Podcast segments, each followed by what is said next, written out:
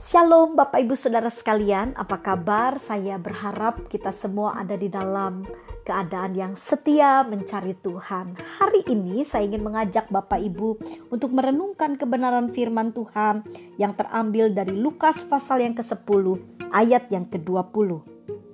Namun demikian janganlah bersuka cita karena roh-roh itu takluk kepadamu tetapi bersukacitalah karena namamu ada terdaftar di surga.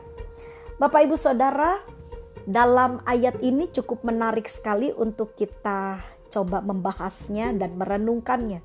Karena kalau Bapak Ibu perhatikan di Matius pasal eh, maaf di Lukas pasal 10 ayat 17 sampai 20 satu perikop itu menggambarkan para murid sedang e, memberikan satu penjelasan kepada Tuhan Yesus kalau pelayanannya itu berhasil ya mereka bisa mengusir roh-roh jahat dari orang-orang yang mereka temui dan e, jiwa-jiwa itu bisa dilepaskan, bisa diselamatkan karena mereka merasa wah hidup mereka dipakai Tuhan dengan luar biasa.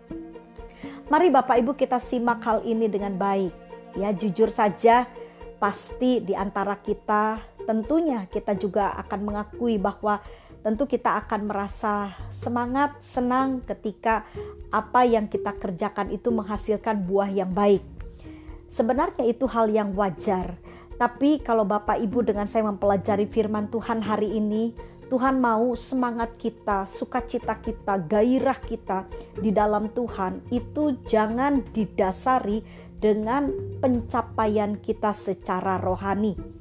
Bapak, ibu, saudara, biarpun kita mungkin adalah e, ternilai sebagai pribadi yang dipakai Tuhan dengan luar biasa, mungkin pelayanan kita bisa berdampak, tapi biarlah itu bukan dasar dari semangat kita, bukan dasar dari sukacita kita. Tuhan mau sukacita kita dasarnya karena kita menyadari bahwa di dalam Tuhan kita pasti selamat. Saya percaya Bapak Ibu kalau saya dengan saudara di dalam Tuhan artinya kita hidup benar-benar di dalam kebenaran sesuai dengan kehendak Tuhan. Maka yakinlah saya dengan Bapak Ibu Saudara pasti selamat. Sebab itu Bapak Ibu Saudara sekalian, mari kita tetap bersuka cita karena bagaimanapun keberadaan kita, kalau saudara dengan saya tetap di dalam Tuhan, setia mengikut Tuhan, percayalah keselamatan akan menjadi bagian kita. Saya percaya hari ini apa pun yang terjadi dalam hidup kita, meskipun yang kita kerjakan dengan perjuangan, dengan jeri lelah, mungkin ada satu waktu apa yang kita kerjakan menghasilkan sesuatu yang tidak baik atau tidak maksimal, tetaplah bersuka cita karena jeri lelah kita di dalam Tuhan tidak akan sia-sia.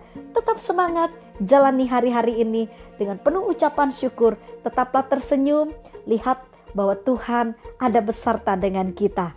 Amin. Tuhan Yesus memberkati.